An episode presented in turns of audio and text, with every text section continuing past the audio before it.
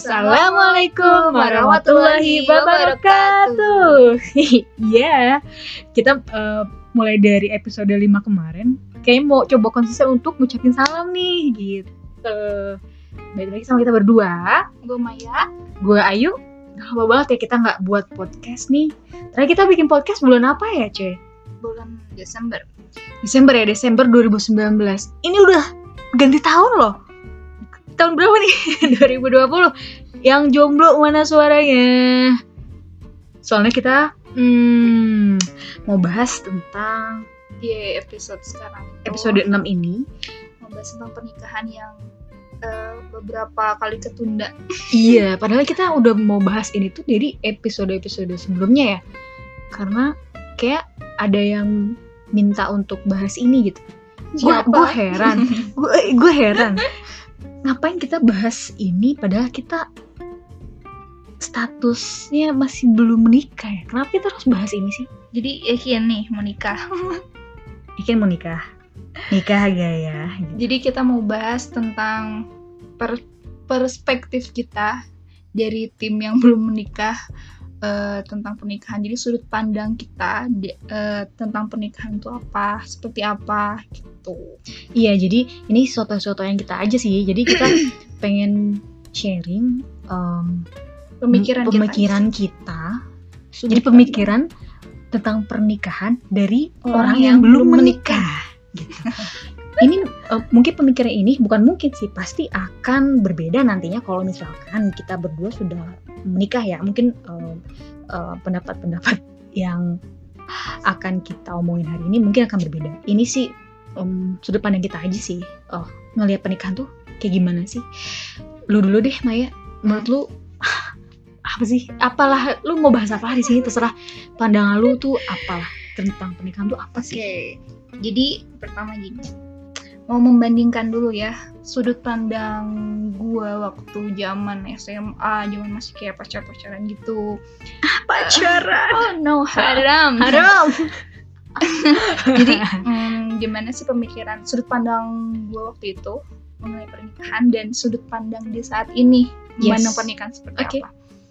Uh, dulu zaman zaman SMA zaman zaman masih kuliah semester semester awal melihat pernikahan itu kayak suatu kayak pelarian gitu loh.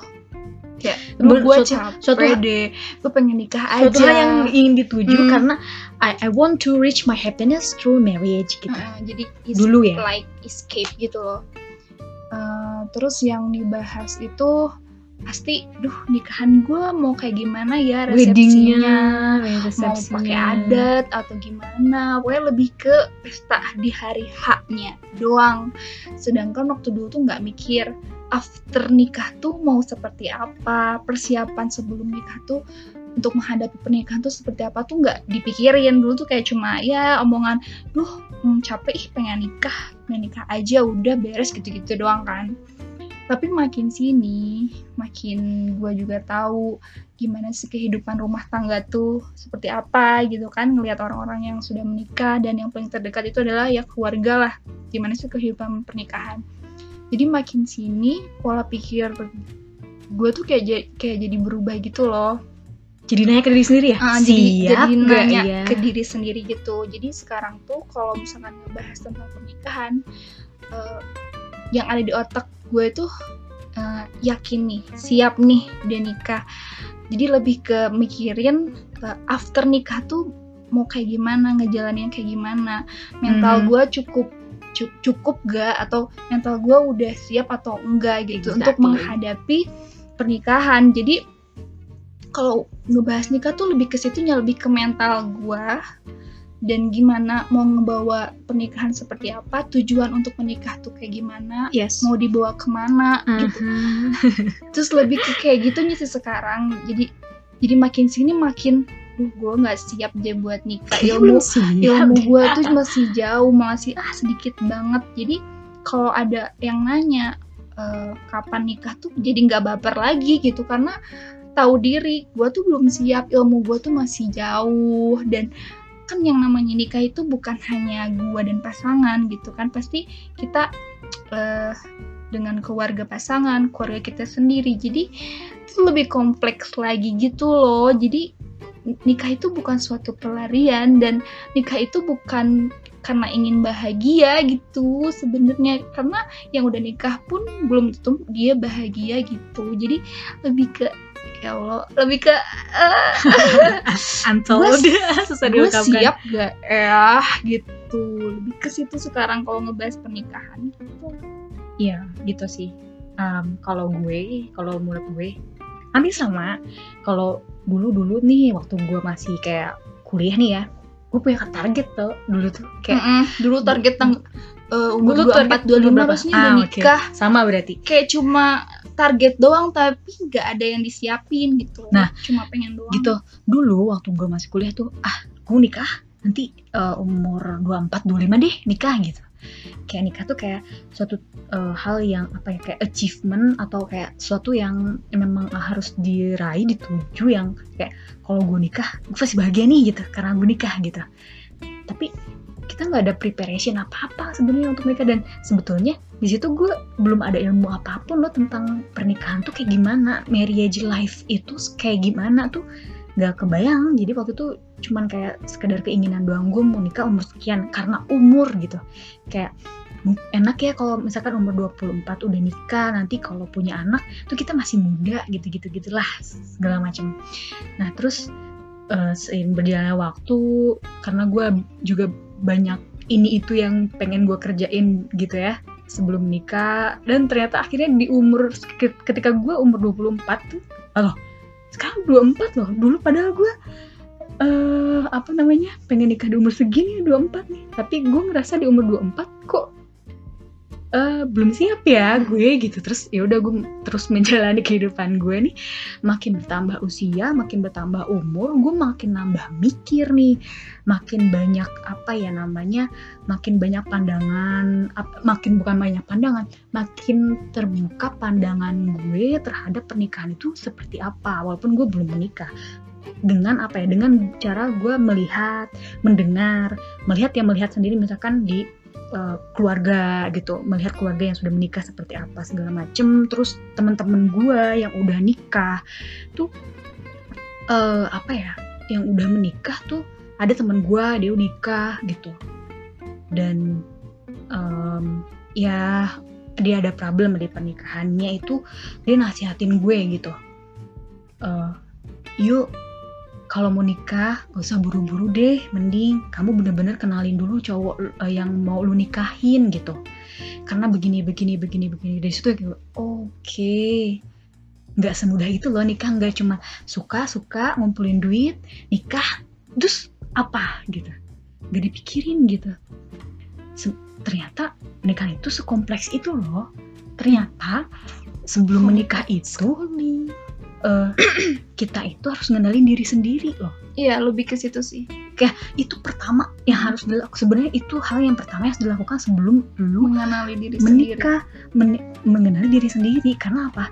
Manusia itu adalah makhluk yang kompleks. Yang kadang kita itu untuk mengenali diri kita sendiri itu gagal. Kadang-kadang kita nggak ngerti juga kayak pernah nggak sih kalian atau sering lah gue ini maunya sebenarnya apa ya? Nah, lu memahami diri sendiri aja kadang sulit. Gimana lu memahami orang lain yang akan menjadi pasangan seumur hidup lu? Gitu. Menurut gue sih sebelum lu memulai hubungan dengan um, orang lain yang which is nanti akan jadi suami lu lu bener-bener harus diri lu lu sendiri deh. Lu tuh maunya kayak gimana? Lu harus tahu visi hidup lu apa biar nanti kalau ada cowok yang mau hidup bareng lu lu tanya tuh visi hidupnya dia apa. Sama nggak sama visi hidup lu? Bisa nggak kerja sama? Sama-sama mau membina hubungan rumah tangga gitu. Eh hidup kehidupan rumah tangga bareng-bareng dia. Udah siap belum? Gitu. Dulu iya bener sih. Dulu gue setiap kali kalau ada yang nyinggung gitu misalkan saudara nikahan nih atau lagi lebaran kumpul keluarga pasti apa sih yang ditanya kapan nikah? Segala macem. Dulu gue gue sempet tuh masih kayak sensi gitu ditanya kayak gitu tuh kayak ah pas sini gitu ya. Tapi setelah gue tahu terus gue uh, sedikit banyak mempelajari oh menikah terus begini loh ini harus disiapin loh. Terus gue denger dengar cerita dari teman-teman yang udah nikah apa segala macem tuh de, dari situ setiap sekarang nih sekarang kalau ada yang nyinggung tentang apa namanya uh, kapan nikah tuh? Gue udah lempeng aja gitu nggak ngerasa kesinggung atau apa sama sekali loh. Malah kayak gue malah pengen ketawain mereka gitu yang terus-terusan apa namanya ayo kapan nikah? gitu nikah gue pengen nanya balik ke dia. Nih lu udah nikah sekarang? Lah dengan menikah apa itu jaminan bahagia hidup lo nggak tahu. Menurut gue nikah itu adalah uh, next level gitu apa ya level selanjutnya di, di kehidupan ngerti yeah, gak lo gimana sih? up. ngerti gak lo kayak misalkan nah kalau dulu ya lu ngerasa sih kalau dulu kayak loh kok orang-orang dulu ya dulu gue masih mikirnya kok orang-orang udah pada nikah sementara gue belum kok belum ya sampai umur gue sih sekarang ini. Udah 27 tahun gue belum nikah gitu ya. Dulu kayak gitu mikirnya. Tapi ternyata kalau gue pikir-pikir gue belum dikasih untuk menikah oleh Allah itu karena apa? Karena gue belum lulus nih di ujian level ini. Makanya gue belum bisa ke next level yaitu pernikahan. Gitu gak sih? Gue mikirnya kayak gitu. Jadi uh, kita itu akan diberikan sesuatu hal ketika kita udah siap menerima hal itu gitu gue tuh seperti itu mikirnya gitu. Positifnya adalah seperti itu. Gue mikir positifnya. Tapi memang kayaknya kenyataannya juga seperti itu deh. Kayak sama aja kayak ujian gak sih? Hmm. lu uh, sekolah nih sekolah dasar kelas 1 ketika lu tidak lulus di level itu di level kelas 1 SD lu bakal naik kelas gak? enggak kan? Karena lu belum belum bisa melalui atau belum bisa uh, ya melalui ujian di kenaikan kelasnya itu. Makanya lu nggak naik kelas. Sama. Kayak hidup juga begitu. Kayaknya mungkin ya karena guanya belum siap makanya belum dikasih tuh gue untuk ketemu jodoh gue gitu. Dan gue kalem-kalem aja. Yang gue fokus sekarang adalah ya sudah gue menyelesaikan ujian-ujian yang di level ini nih. Gimana caranya gue bisa lulus ke level level berikutnya yaitu pernikahan. Hmm. pernikahan tuh next level loh. Hmm. Sekarang li lu lah sekarang. Sen di level ini kan istilah level itu adalah single gitu. Mm level single lah. Kadang kita sendiri juga nggak bisa. We, we cannot handle mm. ourselves kadang ya dengan hidup kita. Jujur. Jujur dua tiga tahun ini tuh pokoknya pemikiran gue tentang pernikahan itu udah kayak perlahan berubah. Sangat karena, berubah uh, kalau gue. pertama karena emang lihat lingkungan juga kan orang-orang yang udah nikah. Terus kedua juga kan banyak banget nih sekarang tayangan-tayangan tentang nikah kehidupan pernikahan seperti apa. Terus tentang uh, mengenal diri sendiri tuh kayak gimana lebih ke mental health dan dan sebagainya itu jadi merubah pemikiran gue gitu. Jadi yang sekarang gue fokusin itu gak nggak sama sekali fokus dulu gue gue nggak nikah nikah ya gitu. Tuh umur gue udah segini kok gue belum nikah gitu gitu deh.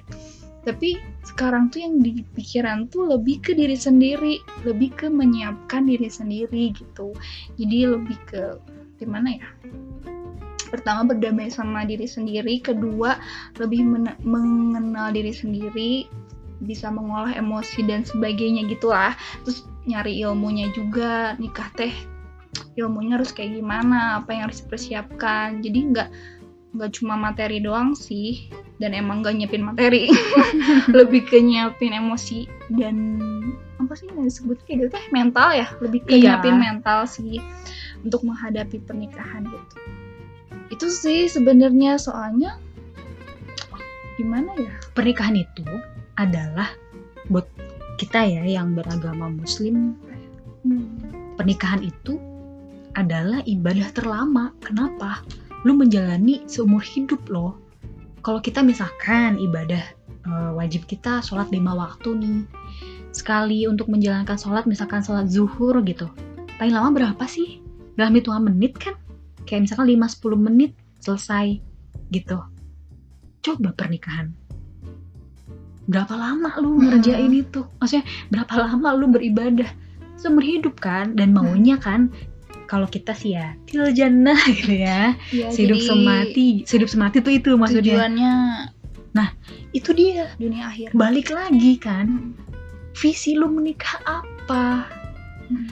bukan yang tadi lu bilang menikah itu bukan pelarian. Bukan bukan kayak gini loh. Bukan kayak aduh gue capek kuliah mau nikah aja. Salah. Terus gue capek kerja banting tulang gue mau nikah aja salah. Woi kalau lu aja nggak sanggup untuk untuk apa menyelesaikan eh, belajar lu kuliah lu lu aja ngeluh terus eh, karena kerjaan lu yang sebenarnya bekerja itu ada istirahatnya loh Mm-mm. ya kan? Kerja balik paling satu satu hari berapa jam sih kerja? Kemudian setelah itu lu pulang istirahat kan? Nah nikah. Ada istirahatnya nggak nikah? Nggak ada. Kalau sekarang sekarang aja lu ngeluh mengeluhkan hidup lu gimana nanti kalau nikah? Nggak ada istilahnya nanti capek nikah. Ah mau udahan dulu nikahnya? Kan nggak bisa. Kalau kata Ustadz Felix nih ya sayangnya banyak di antara kita yang menikah sebab lari dari sesuatu. Hmm. bukan lari menuju, menuju sesuatu. sesuatu. Lelah karena dibully capek ditanya kapan kawin kapan nikah gitu. Jadi gue tuh pengennya ketika gue nikah itu karena gue ingin mencapai sesuatu, Sesuatu, itu betul. tujuan ada tujuan, ada tujuan. nih gue punya misi apa visi apa Uh, pengen mencapai tujuan itu ternyata gue tuh butuh partner gak bisa nih dilakuin sendiri nah ketika nanti gue ketemu sama jodoh gue yang the right the partner right partner dan punya visi dan misi yang sama dunia dan akhirat nah di situ mungkin gue siap untuk menikah gitu. Jadi pengennya menikah itu benar-benar kita punya tujuan bukan lari dari sesuatu gitu. Betul pokoknya gitu deh. Jadi pokoknya akhir akhir akhir ini pokoknya sekarang tuh nggak nggak pernah gitu ngeluh aduh jodoh gue mana ya gue kapan nikah? Sama tapi sekali lebih iya. lebih ke Duh, gue harus kayak gimana ya? Lebih ke memat- mematangkan diri. Jujur kalau misalkan di- mempersiapkan diri loh kalau ditanya lu siap gak buat nikah? Enggak sama sekali belum siap nikah. Gitu walaupun ada yang ngomong kalau nunggu siap kapan nikahnya? Tapi kan gue sendiri pun bisa mengukur gitu kalau gue tuh kesiapannya itu seperti apa? udah siap atau belum bukan gitu. bukan karena kita kayak wah gue siap itu dalam arti perfectly Hmm, ready ya. hmm. bukan tapi bukan enggak tapi setidaknya gini, sih, standar-standarnya. ya apa ya baik lagi. Menikah itu buat kita adalah ibadah ketika kita menjalankan suatu ibadah perlu ilmu nggak sih Mm-mm. nah Ya, aku tuh lagi nggak? nyari ilmunya Nah, gitu kita itu lagi nyari ilmunya dulu untuk menjalani ibadah terpanjang sepanjang hidup kita. Kalau eh, apa namanya sholat aja harus ada ilmunya dulu, betul kan? Harus Hmm. ada ilmunya dulu. Ilmunya adalah misalkan eh, se- eh, apa namanya syarat sah sholat apa gitu kan? Hmm. Terus cara mengerjakan sholat itu gimana? Dari niat takbiratul ihram segala macam itu perlu dicari nggak ilmunya? Hmm. perlu kan untuk menjalani ibadah itu dengan baik dan benar maka diperlukan ilmunya itu yang ibadah sekali ngejalanin cuma 5 sampai 10 menit ini yang sepanjang hidup lu masa lu nggak persiapin Mm-mm. ilmunya terus kan apalagi seorang ibu itu untuk anak adalah Hmm, madrasah ini, pertama ini. kan ini jadi se- jadi seorang ibu tuh harus cerdas harus banyak ilmunya karena anak kita nanti gitu kan yang ditanya pertama pasti orang tuanya dong dan yang lebih deket pasti ibunya dong gitu jadi pertama nyari ilmu ke suami seperti apa ngedidik anak kayak gimana terus misalkan eh, kita sikap kita ke orang tua dan ke mertua seperti apa itu kan pasti ada ilmunya kan terus nanti kan kayak belajar ngaji belajar baca Iya. belajar apa pun itu kan pasti Di- dikira dari dari, mana? ibu dulu kan ke Betul. anak jadi sekarang tuh ya mempersiapkan itu lebih ke mendalami ilmu pernikahan tuh seperti apa dan Iya. menjalaninya tuh nanti Iya. yang harus disiapkan itu apa iya jadi sekarang tuh patokannya lebih ke siap gak secara mental dan ilmu, bukan patokannya bukan mm, umur, bukan kita udah punya apa-apa-apa. Itu bukan patokan, kita punya rumah, kita punya apa, itu bukan patokan kita siap nikah dan umur mateng, umur udah tua tuh bukan patokan menurut gue sih gitu. iya gue juga. Jadi em aduh apa ya namanya? Gue jadi lupa. Saking gue banyak banget yang ngomongin itu udah ba udah kayak banyak sebenarnya di otak gue pengen gue omongin tapi ketutup tunda-tunda jadi kayak apa ya bentar-bentar gitu. Um, oh, dan yang paling penting itu belajar bagaimana kita membangun komunikasi dengan pasangan exactly. kita nah, nanti ini nih ini gitu. nih menurut nah. lu hal esensial apa yang harus maksudnya kayak kan tadi hmm. kita ilmunya ilmunya ilmunya emang ilmu apa sih yang harus ada untuk membangun rumah tangga itu menurut communication lu? pertama komunikasi komunikasi sih karena percuma kalau misalnya kita punya ilmu banyak tahu ini itu tapi mengkomunikasikan dengan bisa. pasangan ah, kita nggak bisa mengkomunikasikan dengan orang tua kita nanti juga nggak bisa itu kayak percuma aja sih gitu. Jadi kita harus belajar lagi bagaimana berkonformi dengan orang gitu. Betul karena uh, for me marriage is about compromising gitu. Jadi berkompromi. Jo nggak bisa lu nggak bisa dengan ego lu masing-masing untuk hmm. menjalani ini misalkan si istri punya egonya begini suami egonya begini dua-duanya nggak mau meng, me, apa uh, dua-duanya mengedepankan egonya masing-masing gitu ya. Nggak bisa jalan dong gitu. Jadi harus dikesampingkan dulu egonya berkomunikasi. Nah cara berkomunikasi gimana? Tuh kita harus tahu ketika kita marah itu gimana ilmunya kita meredam marah kita saat kita marah pas segala macam semua itu kan ada ilmunya kita harus cari tahu itu gitu. Gimana kita itu lagi baik lagi. Gimana kita tahu dulu untuk untuk how to handle ourselves first gitu ya. Hmm. kalau kita marah gimana nih caranya ngehandle marah kita gitu. Kalau kita pengen ada suatu hal yang kita utarakan dengan pasangan kita kita mikir dulu gimana ya caranya hal yang pengen kita komunikasiin itu nyampe ke pasangan kita dan uh, tepat sasaran gitu loh. Kayak nggak hmm. misunderstanding gitu loh. Nggak miskom gitu. Gimana caranya? Itu dengan komunikasi. Menurut gue sih yang pertama adalah komunikasi loh. Hmm. segala sesuatu harus dikomunikasikan. Kayak lu nggak bisa nih kalau ada masalah terus ribut ribut terus diem diem udah berlalu gitu. Nggak selesai.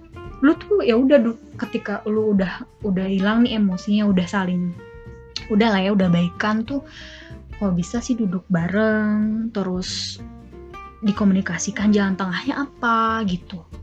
Oh begini. Sudah berarti ke depannya ini hal yang dijalani. Jadi setiap berantem itu harusnya adalah hal yang uh, berantem itu harusnya lebih mendewasakan kita loh gitu. Oh dulu tuh pernah ada problem ini ini so, uh, ini uh, solusinya begini ini yang kita jalanin gitu. Jadi setiap kali ada masalah harusnya itu yang setiap kali ada masalah harusnya saat itu juga kita tuh semakin kompak harusnya menurut gue sih. Menurut gue gitu. Harusnya ya. Uh, gimana ya? Apalagi nih? Hmm, dulu sih emang gue tuh sangat jelek ya dalam komunikasi.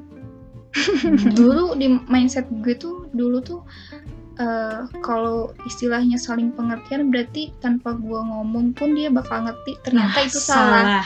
Nah sekarang tuh gue berusaha untuk men-set dan mereset semuanya, mereset, maksud restart semuanya bahwa saling pengertian itu memang harus ada komunikasi. Saling pengertian tuh kita mau komunikasikan gitu. Jadi bukannya pada diem-diem, hmm. ntar dua kamu nggak. Nah ini loh. kamu nggak ngerti sih nggak cewek pokoknya ya. cewek kan rata-rata kayak gitu kan cewek kan rata-rata tapi gue berusaha untuk tidak seperti itu. Apa pun harus komunikasikan karena yang bisa membaca isi hati adalah Allah bukan manusia. Jadi manusia kan ya nggak bisa lah kita diem terus tiba-tiba orang itu ngerti. Pokoknya semuanya kuncinya adalah di communication. Iya menurut gue juga begitu. Kalau kalau gue yang uh, hal yang harus gue bener-bener handle sih adalah gimana caranya gue bisa mengolah emosi gue gitu. Kalau gue ya kalau gue hmm, gue nggak tahu ya kar uh, gue nggak tahu ya kenapa dulu itu gue tuh sangat tidak bisa mengontrol emosi gue gitu. Keras. Gue tuh orangnya keras keras banget. Gue tuh orangnya keras sementara gue sekarang mikir gue kalau udah nikah gue nggak bisa keras kepala kayak gini. Karena apa? Gue akan menjadi istri yang di mana gue ini harus nurut sama suami gue gitu. Tapi ya gue tuh pengennya kalau udah nikah tuh uh, antara suami dan istri tuh bukan yang istri tuh yang bener-bener harus melayani. Terus cowoknya tuh yang kayak apa sih namanya tinggal ting apa sih? apa sih? gimana, gimana ya, ya? kalau kasarnya kayak bosi gitu maksudnya nggak mau nggak mau kayak gitu. Iya. jadi kayak mentang-mentang lu istri gue gue lu harus melayani gue gitu. Nggak nggak gue nggak mau kayak gitu. Lebih pengen ke ya balance lah. Nggak maksud gue kalau gue gini loh uh, saling melengkap. pernikahan ini menurut gue adalah kendaraan untuk menuju sesuatu hmm. baik lagi. Kita kan punya visi nih uh, pernikahan itu visi kita tuh kalau menikah visinya apa hmm. nah pernikahan ini adalah kendaraan kita menuju ke sana gitu nah gimana caranya kita bisa uh, apa namanya gimana caranya kita bisa sampai ke tujuan itu ya dengan caranya bekerja sama gitu. Iya sih lebih ke bekerja sama. Contohnya sih kayak gini, hmm, kayak hmm, perkara nyuci piring deh. Uh, mentang-mentang gue sebagai gua istri, uh. uh, gue terus itu yang harus nyuci apa. Gue tuh pengennya nggak kayak gitu. Jadi kita saling aja. Misalkan gue lagi ada kesibukan apa, terus si suami lagi nggak bisa nggak lagi ngapa-ngapain bisa lah bantuin istrinya cuci piring bersih bersih rumah kayak gitu gitu maksudnya sesederhana, sesederhana itu ini gitu. bukan bukan ini ya bukan kayak uh, karena ada bukan ada ya banyak yang karena ngerasa gue ini suami loh. Mm-hmm. gue tuh egonya gede. Kalau gue ngebantu istri gue gue dibilang susis gitu. Enggak loh bukan itu loh hmm. gitu. Ngerti gak lo? Gue nggak mau kayak gue nggak gitu. mau kayak gitu. Kolot banget gitu kayak pemikiran dulu banget gitu. Tapi tetap, kan tapi itu. tetap kita menghormati mah menghormati. Tapi, tapi tetap kita kita memposisikan ya? iya. Kayak temen aja gitu kalau gimana ya? Gimana ya? Lebih kayak simple fleksibel kita kita tahu peranan kita sebagai istri menghormati suami, mm -hmm. tapi bukan berarti suami itu bisa kayak semena-mena dia aja. Hmm. kayak tolong ini dong tolong itu dong ini dong itu dong. Enggak. Enggak loh. Hmm. gitu. Gua saking gue ini apa ya? Eh menurut gue ya uh, pernikahan itu bakal rada sulit dijalani oleh wanita yang independen menurut gue. Menurut gue ya. Karena gini loh sebenarnya kayak dengan um, ini wanita tuh kayak wanita yang independen tuh kayak I can stand on my own feet gitu. Mm-hmm. jadi I can pay my own bill gitu ya. Kayak sebenarnya gue tanpa lelaki pun gue bisa hidup gitu. Itu tuh dia dia tuh cewek yang pasti ya egonya gede juga. Kayak ketika dia harus menerima orang lain di hidup dia yang harus um, satu atap sama dia satu kasur sama dia gitu. Yang harus berbagi pemikiran segala macam itu pasti rada susah juga sih menurut gue. Um, apa namanya? Nah itu dia. Kayak ah, gimana ya? Gue kayak gitu sih soalnya. Misalnya gue yang kayak gitu. Gue gue udah biasa gue hidup sendiri terus uh, gue harus menerima orang lain untuk hidup bersama sama gue itu gue banyak yang harus dipikirkan kayak banyak yang harus gue ribet hidup gue. Hidup hidup gue. Gue aja ribet dengan pemikiran gue sendiri gitu. Nah gue sempet ya ada berpikiran kayak ini nih kalau pernikahan bukan ajaran dari agama agama yang gue anut gue males nikah kenapa? Kayak gitulah kalau gue mikirnya dunia doang ya. Gue mikirnya kayak gue hidup sendiri bisa kok. Ini gue nyari duit sendiri kok. Hmm. gue gue pun selama pacaran gue belum pernah minta duit ke pacar gue hmm. gue anti malah minta-minta sama cowok. Karena hmm. apa ya kayak gue tuh nggak mau yang gue tuh ketergantungan dengan cowok. Maksudnya ketergantungan gitu kayak uh, apa ya kalau ngelihat pasangan-pasangan lain tuh ke cowoknya tuh kayak kayak banyak minta gak sih? Kayak yang beliin ini dong beliin itu dong. No I can pay my own bill kalau gue mah gitu. Kalau dunia segitu. Kalau dalam hal duniawinya ya kayak ngapain gue nikah? Gue bisa hidupin diri gue sendiri dengan izin Allah ya. Gue bisa gue punya skill knowledge yang gue bisa menghasilkan uang dengan tangan gue sendiri gitu. Tapi kan bukan itu hmm. menikah itu bukan itu. Menikah itu bukan menikah itu menurut gue bukan karena karena ingin apa ya karena nggak mau kerja ya udah nikah aja ngerti gak kayak hmm. ah nikah aja ah nanti kan yang ngebiayain suami gue gue leha-leha aja di rumah gitu. Gue tuh bukan tipe cewek kayak gitu jadi kayak justru gue kalau di rumah gue stres gue kalau di rumah gue stres gila gue stres banget. Gitu jadi itulah. Jadi alasan gue menikah nanti adalah karena gue menjalankan syariat agama gue. Hmm gitu. Karena hmm, gitu kalau bener gue mah kalau menikah bukan karena disuruh sama Allah nikah ayu gitu ya. Hmm. jangan berzina gitu. Gue nggak nggak akan nikah. Ada kalau bukan karena disuruh oleh oleh oleh oleh pencipta gue. Karena yes, iya buat apa coba? Sekarang gini nikah lu ya lu lu bisa ngidupin diri lu sendiri. Terus dalam pernikahan itu kan gak selalu bahagia terus ya. Lu ada berantemnya ngapain lu berantem berantem sama orang gitu ya kan? Terus uh, harus berkompromi gitu. Harus sabar sepanjang hidup lu. Udah siap belum lu? Sepanjang sepanjang hidup lu, lu bersabar ngadepin pasangan lu. Udah siap belum? Belum. Nah itu dia secara mental tuh udah siap belum? Itu loh yang harus dipikirin. Kalian nih ya yang di luar sana yang masih kayak oh, gue kapan nikah? Gue kapan nikah? Mengeluh mengeluh.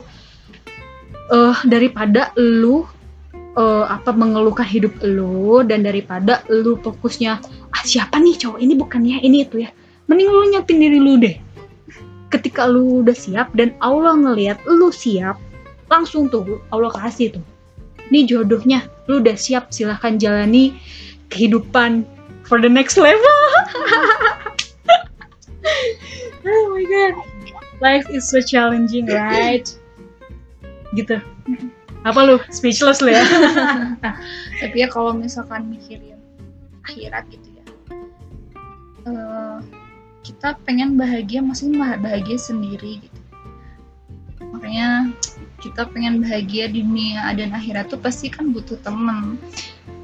Kalau misalkan kita nanti hmm, ya amin gitu ya masuk surga emang pengen masuk surga sendirian nah itu gitu. mungkin lebih ke situ sih ya pengen punya partner pengen punya teman lah gitu. E, dunia dan akhirat gitu. Makanya dulu sih mikirnya kalau masalah temen ya dulu sih mikirnya ah gue nggak butuh deh banyak banyak temen. Karena emang gue nggak terlalu seneng juga berteman banyak-banyak gitu loh karena saya cukup introvert. My an introvert. Eh, nggak uh, terlalu nyaman lah untuk berteman banyak-banyak. Tapi uh, ingat kata Ustadz sih sebenarnya kita tuh harus punya dan mencari teman yang kalau ngomongin akhirat ya. Jadi ngomongin akhirat. Harus mencari teman. Sebanyak-banyaknya yang soleh dan soleha biar mereka pun menjadi syafaat buat kita nanti gitu ya. Nanti di akhirat.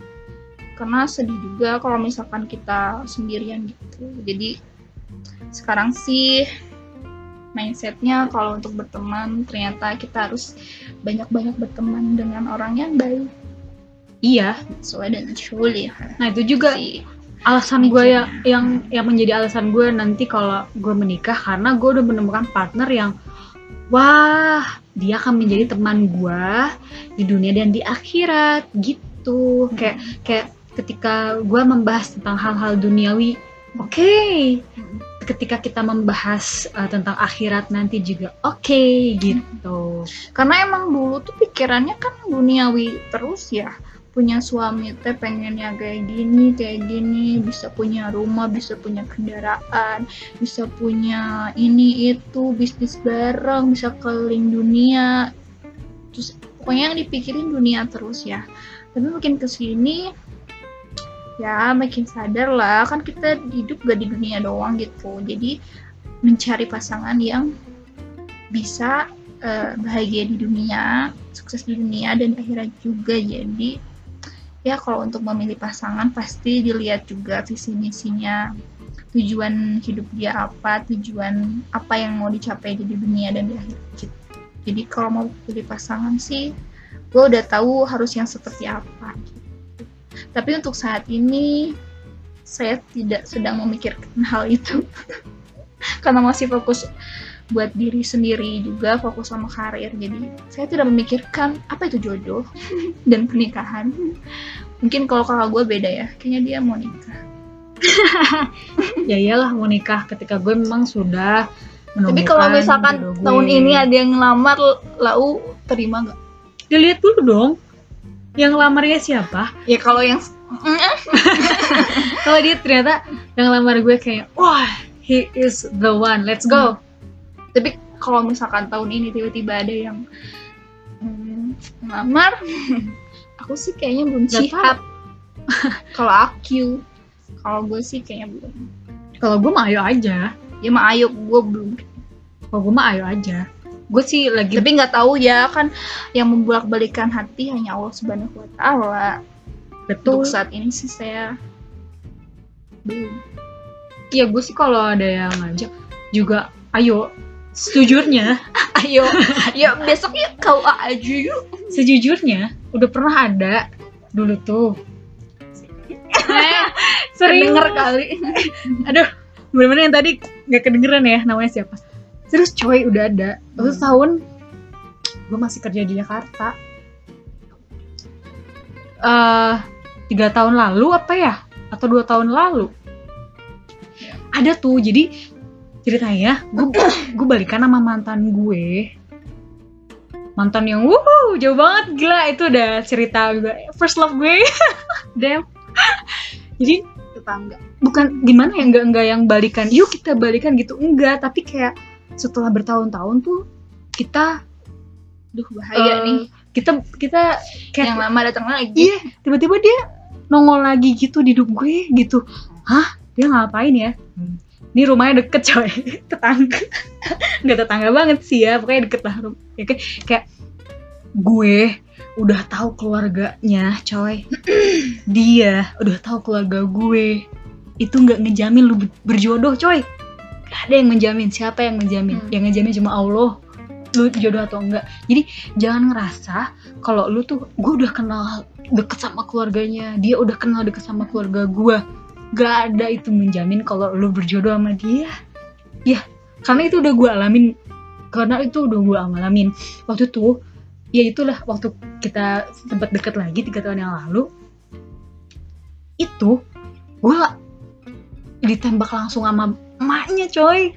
Kayak gini uh, Ayu mau gak sama anak ibu? Gue cuman ketawa doang kayak hai serius ini ya ampun. Gue nggak bisa jawab karena gue sendirian dan itu keluarga itu keluarganya dia semua di situ. Dan masa gue bilang e, enggak atau uh, uh, uh, uh, gue nggak tahu. Gue cuma senyum doang gue cuma ketawa doang. Terus si ibunya ini bilang eh serius ibu mah ayo gitu kan. Gue cuma senyum doang aja gue kayak gimana ini gimana ini? Wow wow wow wow. Terus bahkan yang udah ibunya begitu pun ternyata pada akhirnya kita tidak berjodoh. Karena apa? Uh, eh, gue juga ragu sih sama dia. Kayak tuh itu ada udah ada yang ngelamar loh. Tapi bukan berarti ketika ada yang ngelamar langsung jadi gitu. Enggak tau. Gue gue ngeliat lagi. Gue nanya ke diri gue apa gue siap hidup selamanya sama dia? Gitu. Waktu itu sempet deket cuman gue nggak yang menyangka bahwa gue akan dilamar secara informal gitu sama emaknya. Gitu. Karena memang sebenarnya si cowok ini tuh emang udah niat pengen nikah nyari istri. Karena waktu itu sempet ngehubungin kontak gue tuh langsung nembak gitu loh. Maksudnya langsung nembak kayak ayo udah nikah belum? Wah wah wah wah wah. Bentar bentar bentar gitu. Gue kayak uh, mas sudah menikah? Oke. Okay. gue coba kayak uh, oke okay deh coba gue kasih kesempatan lain ke dia. Siapa tahu yang sekarang ini dia udah berubah. Memang udah ada yang berubah tapi ada beberapa hal yang masih belum berubah dari dia yang gue nggak bisa. I can't live with it gitu. Yang gue nggak bisa lah untuk nggak deh kayaknya kalau buat nikah. Kayak jadi ya udahlah. Nggak. Dan akhirnya alhamdulillah dia sudah menemukan jodohnya dan dia udah punya anak sekarang. Gue bahagia sekali karena karena dia karena dia bahagia dengan pilihannya. Gue akan selalu bahagia melihat uh, teman-teman gue mantan gue yang bahagia dengan pilihannya sekarang gitu. Gitu coy. Terus kalau masalah tentang pernikahan uh, pesta pernikahan ya? Oh ini dia. Kalau wedding dream look mm sekarang kayak gimana dan dulu kayak gimana? kalau dulu tuh kayak punya cita-cita cita-cita punya impian gitu. Kalau nikah tuh pengen adat banget gitu adat Sunda pengen inilah apalah gitu kan. Terus yang dipikirin aduh modal nikah kayaknya gede banget nih. Jadi yang dipikirin tuh oh, gue harus ngumpulin duit berapa ya untuk nikah? gitu. Tapi makin sini itu kayak ngapain sih nikah mahal-mahal gitu? Kalau bahasa Sundanya mah jor-joran gitu ya. Mm -hmm. Sampai ngabisin berapa juta sampai ratusan juta gitu. Sekarang tuh kayak duh ngapain sih? Lagi ini tuh ngapain sih kita dipusingkan oleh sesuatu yang ya cuma satu hari doang cuma buat resepsi nikah doang gitu. Tapi kita pusingnya tuh berbulan-bulan gitu. Terus itu tuh nggak mau gue kayak gitu. Gue juga pokoknya mau. suka pokoknya pengennya tuh pernikahan tuh sesederhana mungkin. Seefisien mungkin. Seefisien mungkin nggak mau memaksakan nggak gitu. mau mubazir. Nggak mau bazir dan untuk undangan pernikahannya pun yang datang eh gak bakal banyak-banyak. Dan yang gue undang tuh emang bener-bener temen yang masih in touch sama gue sampai sekarang. Sampai sekarang gitu. Gue bakal undang bener-bener personal gitu lah ngundangnya gitu. Jadi ya karena yang paling penting itu bukan di hari resepsinya karena yang paling penting itu setelah pernikahannya gitu. Jadi daripada kita ngabisin duit apalagi sampai ngutang ya iya. mending si Buat gengsi uangnya doang. itu dialihkan ke untuk ya kehidupan setelah pernikahan after pernikahan. kayak ya kalau emang punya anak misalkan, gak butuh duit ya mm, kan? bisa ditabungin buat nanti gitu buat anak pendidikan atau kalau misalkan alhamdulillahnya kita udah punya rumah ya biar bisa nyicil furniture apa kayak apalah gitu bisa dialihkan ke yang lain. Gue pengennya kayak gitu ya. Dan juga. semoga orang tua kalau orang tua, Orang tua masing-masing. sih udah memaklumi ya gue pengennya sederhana. Tapi ya nggak tahu sih ntar mertua kayak gimana. Tapi semoga aja bisa pengertian gitu. Jadi nggak mau yang wah Heboh. gitu. Nggak mau. Gue juga gak suka. Gitu karena sebenarnya pernikahan itu Islam pun memudahkan bahkan ke KUA doang pun bisa jadi Ya, gitu kan. Tapi kan yang itu dia. mahal itu gengsi ya. Gengsi. gini loh ini loh. Gue sih oke oke aja. Nah itu Tapi dia. kan keluarga tuh beda. Nah ini dia. Omongan netizen tuh lebih deh jadi kan sebenarnya tuh syariat Islam itu memudahkan kita untuk menjalani ibadah termasuk pernikahan. Yang ribet itu gengsi yang ribet itu adat yang ribet itu nanti kata orang gimana? Kenapa sih masih aja ngeribetin apa kata orang gitu ya? Kayak gue udah nggak peduli ada kata orang apa. pengennya tuh kayak cuma akad doang yang nggak usah gonta ganti baju pengen Ah, kayak gitu. kan, terus bener-bener yang datang tuh kalau gue Jadi nanti tuh gitu lah adalah pokoknya. iya kalau gue mah kalau gue mah keluarga keluarga aja udah banyak. kalau gue mah yang akan gue utamakan adalah keluarga. Hmm. Karena apa? Karena temen gue yang bener-bener sampai sekarang intas dan deket banget itu cuman bisa ah, dihitung jari lah. Kayak gue bener-bener akan ngundang yang nggak cuman kayak ah gue kenal si ini terus gue undang. Nggak akan. Gue bener-bener Hmm. yang gue gue udah punya list teman-teman Kehitung. gitu. Itu temen dikit bang gue temen gue mah dikit banget. Gue mah gak mau intinya gue gak mau ngambur-ngamburin duit cuma buat resepsi sama sekali. Ya Allah semoga ini bisa ter- terlaksana. Gue pengen nikahan sesimpel mungkin sesederhana mungkin sehikmat mungkin dan konsentrasinya adalah kehidupan setelah resepsinya itu. Gue sangat sangat sangat sangat ingin ya Allah please please please. Mudah-mudahan ya. Panjang sih kalau Iya. ngebahas ini sebenarnya. Ya tapi ini kayaknya udah wow sudah Lama sangat ya terima kasih yang sudah mendengarkan sampai, Sampai ke detik, detik ini.